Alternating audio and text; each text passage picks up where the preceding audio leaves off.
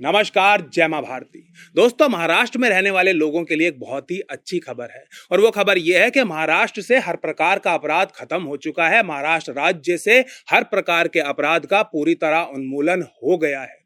अब ना वहाँ पर चोरी, डकैती और हत्या जैसे अपराध हो रहे हैं और औरतें भी, महिलाएँ भी पूरी तरह सुरक्षित हो गई हैं। महिलाओं के विरुद्ध होने वाले जो अपराध होते हैं, वो भी पूरी तरह खत्म हो चुके हैं।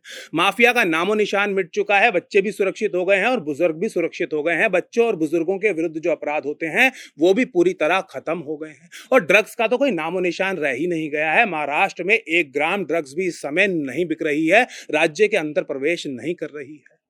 क्योंकि महाराष्ट्र राज्य से हर प्रकार का अपराध पूरी तरह खत्म हो गया है, क्योंकि महाराष्ट्र राज्य 100 प्रतिशत अपराध मुक्त हो गया है। इसीलिए इस समय महाराष्ट्र सरकार और पुलिस अपनी ऊर्जा, अर्नब गोस्वामी जैसे खूंखार अपराधियों को पकड़ने में, जेल के अंदर डालने में लगा रही है। अर्नब गोस्वामी जैसा खुंखार अपराधी जो अपने टीवी चैनल की टीआरपी को बढ़ाने के लिए सेंसेशनलिज्म का सहारा ले रहा था, इस घिनौने अपराध को करने वाला इस देश का पहला इकलौता टीवी एंकर था। इसलिए उसको अब महाराष्ट्र सरकार और पुलिस जेल में बंद कर रहे हैं इस घिनौने अपराध को करने के लिए।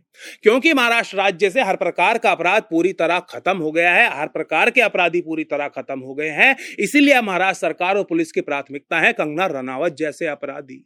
जो पूरी मेहनत करके अपना पैसा कमाते हैं और उस पैसे में से करोड़ों रुपए हर साल इस देश और महाराष्ट्र राज्य की सरकार को टैक्सेस में देते हैं। अब ऐसे खूंखार अपराधियों को महाराष्ट्र पुलिस और महाराष्ट्र सरकार जेल में डालना चाहती है। क्योंकि अब महाराष्ट्र राज्य में आतंकवाद, माफिया और ड्रग्स जैसी थ्रेट नहीं बची हैं, ये पूरी तरह खत्म हो चुकी हैं। इसीलिए आज की डेट में महाराष्ट्र सरकार और पुलिस के लिए नंबर वन थ्रेट है। विभोर आनंद जैसे फेंकू और बड़बोले एडवोकेट्स और साहिल चौधरी जैसे यूट्यूबर्स जो सस्ती प्रसिद्धि पाने के लिए अपने सब्सक्राइबर्स अपने फॉलोअर्स बढ़ाने के लिए लंबी लंबी फेंक रहे थे, इधर उधर की छोड़ रहे थे, जो मुँह में आ रहा था बक रहे थे, अब ऐसे फेंकू लंबी लंबी छोड़ने वाले महाराष्ट्र सरकार और पुलिस के लिए पब्लिक एनिमी नंबर वन बन चुके हैं। क्यों? क्योंकि महाराष्ट्र में हर प्रकार का अपराध और अपराधी पूरी तरह खत्म हो चुके हैं, इसलिए महाराष्ट्र सरकार और पुलिस ऐसे लोगों के पीछे हाथ धोकर पड़ गई है।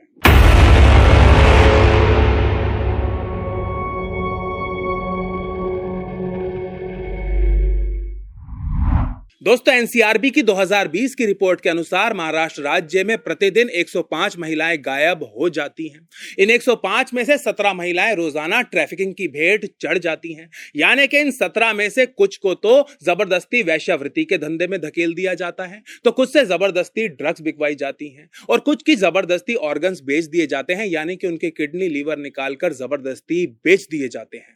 दोस्तों, एनसीआरबी के ही अनुसार बात जब महिलाओं के साथ होने वाले सामूहिक कुकर्म की आती है तो इस घिनौने अपराध में महाराष्ट्र राज्य हमारे देश में बिल्कुल टॉप पर है। बुज़ुर्गों के साथ होने वाले अपराध, चाहे वो उनकी हत्या हो, उनके घरों में होने वाली चोरी, डकैती, लूटपाट हो, उसमें भी महाराष्ट्र हमारे देश में बिल्कुल टॉप पर है। और बात जब नार्कोटिक्स कंजम्पशन की आती है ड्रग से जुड़े हुए अपराधों की आती है तो उसमें तो महाराष्ट्र बिल्कुल टॉप पर बैठा ही हुआ है। ये एनसीआरबी के आंकड़े हैं, ये मैं अपने आप आपको मनगढ़ंत कहानी नहीं सुना रहा हूँ। एनसीआरबी के अनुसार हमारे देश में जो टोटल अपराध होते हैं, उसके दस दशमलव छह प्रतिशत, यानी कि टेन पॉइंट सिक्स परसेंट अपराध महाराष्ट्र की झोली में आते हैं। इन आंकड़ों को सुनने के बाद आप कहेंगे कि अरे भाई, महाराष्ट्र सरकार और महाराष्ट्र पुलिस की सारी ऊर्जा तो इन अपराधों को खत्म करने की तरफ़ होनी चाहिए, जिनमें से कुछ अपराध तो बहुत ही ज़्यादा घिनौने हैं। महाराष्ट्र के मुख्यमंत्री मान्य श्री श्री एक हज़ार आठ उद्धव ठाकरे जी, क्योंकि यदि उनके नाम के आगे आप ये सब ना लगाओ, श्री ना लगाओ, मान्य ना लगाओ तो महाराष्ट्र पुलिस आपको जेल में डाल देती देती है। तो महाराष्ट्र के मुख्यमंत्री उद्धव ठाकरे जी और महाराष्ट्र पुलिस के कमिश्नर परमवीर सिंह जी की सारी ऊर्जा तो इस प्रकार के अपराधों को खत्म करने की तरफ़ होनी चाहिए। इन अपराधों को जो अंजाम देते हैं, उन अपराधियों को पकड़ने की तरफ़ होनी चाहिए। तो फिर इनकी सारी ऊर्जा आज की डेट में अर्नब गोस्वामी और कंगना रनावत जैसे लोगों की तरफ़ क्यों है? क्यों आज महाराष्ट्र सरकार और महाराष्ट्र पुलिस इन घिनौने अपराधों को अंजाम देने वाले असली अपराधियों को छोड़कर विभोर आनंद जैसे फेंको और बड़बोले एडवोकेट्स के पीछे पड़ गई है, जो सस्ती प्रसिद्धि पाने के लिए कुछ भी अनसन दावे कर रहे थे। क्यों आज की डेट में महाराष्ट्र सरकार और महाराष्ट्र पुलिस अपनी सारी एनर्जी उन लोगों को पकड़ने में लगा रही है, जो सोशल मीडिया के ऊपर उद्धव ठाकरे के कार्टून शेयर कर रहे थे, उनके ऊपर जोक कर रहे थे? ऐसा आखिर क्यों हो रहा है? दोस्तों, ऐसा इसलिए हो रहा है क्योंकि विनाश काले, विपरीत बुद्धि। श्री श्री 1008 उद्धव ठाकरे जी अपनी पार्टी शिवसेना की राजनीतिक चिता तैयार कर रहे हैं। अपनी पार्टी के लिए इतना गहरा गड्ढा खोद रहे हैं, जिससे उनकी पार्टी कभी भी बाहर नहीं निकल पाएगी। ऐसा इसलिए हो रहा है क्योंकि महाराष्ट्र के मुख्यमंत्री की ईगो बहुत ज़्यादा बड़ी हो चुकी है और अब वो बदले की तुच्छ राजनीति पर उतर आए हैं। उनकी ईगो इतनी ज़्यादा बड़ी हो चुकी है कि वो उन लोगों को भी जेल में डाल रहे हैं जिन्होंने सोशल मीडिया के ऊपर उनके कार्टून शेयर कर दिए थे। एक कार्टूनिस्ट का बेटा आज अपने ऊपर कार्टून शेयर करने वालों को जेल में डाल रहा है। लेकिन जिन आरोपों के तहत इन सोशल मीडिया पर्सनैलिटीज को जेल में डाला जा रहा है, अर्नब गोस्वामी जैसे पत्रकारों को, टीवी एंकर्स को जेल में डाला जा रहा है, यदि उन आरोपों को इस देश के हर राज्य की पुलिस फॉलो करने लग जाए तो मैं आपको गारंटी देता हूँ कि इस देश के आधे से ज़्यादा पत्रकार जेलों में बंद पाएँगे। और उनमें सबसे ऊपर होंगे रवीश कुमार, राजदीप सरदेसाई और बरखा दत्त जैसे सो कॉल्ड पत्रकार, जिन्होंने समय समय पर इस देश में फेक न्यूज़ को फैलाया है। कई बार जानबूझकर तो कई बार अनजाने में, लेकिन फैलाया ज़रूर है।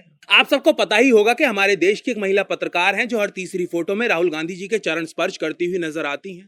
पुलवामा के समय पर उन्होंने कहा था कि यह काम मोदी ने ही कराया है चुनाव जीतने के लिए। और ऐसा कहने वाली वो अकेली नहीं थी, इस देश के बहुत सारे सो कॉल्ड लिब्रांडू पत्रकारों ने यह दावा किया था कि हो ना हो, चुनाव जीतने के लिए पुलवामा मोदी ने ही कराया है। तो क्या उन सब पत्रकारों को जेल में नहीं डाल देना चाहिए था? लेकिन मुझे याद नहीं पड़ता कि इस दावे को करने के लिए कोई भी जेल में गया हो। क्योंकि इस बात का तो मुझे पूरा विश्वास है कि इनमें से किसी के पास भी इस बात का सबूत नहीं था कि पुलवामा मोदी ने ही करवाया है। लेकिन फिर भी उन्होंने खुलकर सोशल मीडिया के ऊपर इस बात को लेकर लेख लिख के, ट्विटर के ऊपर ये दावे किए, पोस्ट की, लेकिन उनमें से किसी को भी जेल में नहीं डाला गया। तो ये स्पेशल ट्रीटमेंट अर्नब गोस्वामी को ही आज क्यों दिया जा रहा है? जिन आरोपों के तहत आज की डेट में Mumbai police social media personalities को गिरफ़्तार करके जेलों में डाल रही है, चौवन हज़ार सोशल मीडिया अकाउंट्स को टारगेट कर रही है, उन आरोपों के तहत तो सबसे पहले जो लोग सामना अखबार को चलाते हैं, उनको जेल में डालना चाहिए, क्योंकि सामना अखबार में आपको ऐसे सैकड़ों, हज़ारों लेख मिल जाएँगे, जिसमें इस देश के बड़े बड़े नेताओं को, महिलाओं को, पुरुषों को डिफेम किया गया है। उद्धव ठाकरे जी डेफेमेशन के जिन आरोपों के चलते आज आपकी पुलिस अपने सारे काम छोड़कर देश के कोने कोने में जा रही है, लोगों को गिरफ़्तार करके मुंबई ला रही है और जेलों में डाल रही है, अदालत के सामने प्रस्तुत कर रही है।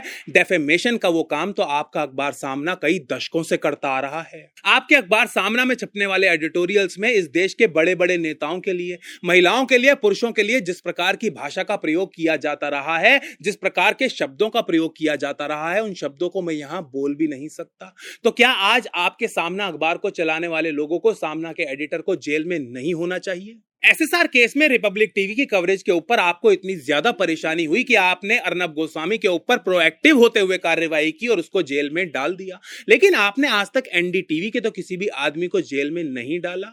छब्बीस ग्यारह में एनडीटीवी की जो कवरेज थी, वो सीधा सीधा इस देश की सुरक्षा के लिए खतरा बनी थी, ऐसा मैं नहीं कह रहा, ऐसा रिपोर्ट में कहा गया है। एनडीटीवी की कवरेज ने सीधे सीधे प्रत्यक्ष रूप से हमारे फौजियों की जान को खतरे में डाला था। फौजी जो वहाँ पर आतंकवादियों से लड़ रहे थे, पहले से ही अपनी जान को खतरे में डाल के आतंकियों से लड़ रहे थे, एनडीटीवी की कवरेज ने उन फौजियों की जान को खतरे में डालने का काम किया था। तो क्या आप एनडीटीवी के ऊपर भी कोई कार्यवाही करेंगे? कम से कम इस प्रश्न का उत्तर तो इस देश की जनता को दे ही दीजिए। दोस्तों, मैं देख रहा था कि अर्नब गोस्वामी की इस गिरफ्तारी को लेकर सोशल मीडिया में लोगों में बहुत ज़्यादा गुस्सा है। आम लोगों में भी गुस्सा है और पत्रकार समुदाय भी उद्धव ठाकरे की सरकार को, उनकी पुलिस को काफ़ी खरी खोटी सुना रहा था। तो मैं यही कहना चाहूँगा कि उद्धव ठाकरे जी की इन हरकतों के ऊपर हमें गुस्सा नहीं करना चाहिए, बल्कि खुश होना चाहिए। क्योंकि यदि उद्धव ठाकरे जी की ऐसी ही हरकतें चालू रही, उनकी पुलिस ऐसी ही हरकतें करती रही तो अगले चुनाव में उद्धव ठाकरे जी और उनकी पार्टी को एक भी सीट नहीं मिल पाएगी। आपको इतनी सी बात समझ में नहीं आई कि ये राजनीति है और यहाँ पर कुछ भी परमानेंट नहीं होता, कुछ भी स्थायी नहीं होता। आज महाराष्ट्र में आपकी सरकार है तो कल किसी और की अवश्य होगी। और जब किसी और की सरकार होगी और वो आपके साथ यही करेगा जो आपने शुरू किया है, जब वो आपको आपकी ही दवाई का स्वाद चखाएगा तो आपको समझ में आएगा कि ये बदले की राजनीति शुरू करके आपने कितनी बड़ी गलती की थी। कल जब महाराष्ट्र में किसी और की सरकार होगी और आपके ऊपर जितने भी पुराने केसेस हैं एफ़ हैं, वो एक एक करके खुलेंगी। कल जब महाराष्ट्र महाराष्ट्र में किसी और की सरकार होगी और आपके अखबार सामने के ऊपर कई सारे डेफेमेशन के केसेस एक साथ ठोके जाएँगे और आपके अखबार के स्टाफ को एडिटोरियल टीम को एक एक करके जेल में डाला जाएगा। तब आपको समझ में आएगा कि आज आप जो कर रहे हैं, वो कितनी ज़्यादा गलत बात है, कितनी ज़्यादा गंदी राजनीति है। यदि कोई सोशल मीडिया के ऊपर उद्धव ठाकरे या फिर उनके सुपुत्र आदित्य ठाकरे का कार्टून शेयर कर रहा है तो उसको जेल में डाला जा रहा है। शिवसेना के गुंडे उन लोगों की पिटाई कर रहे हैं।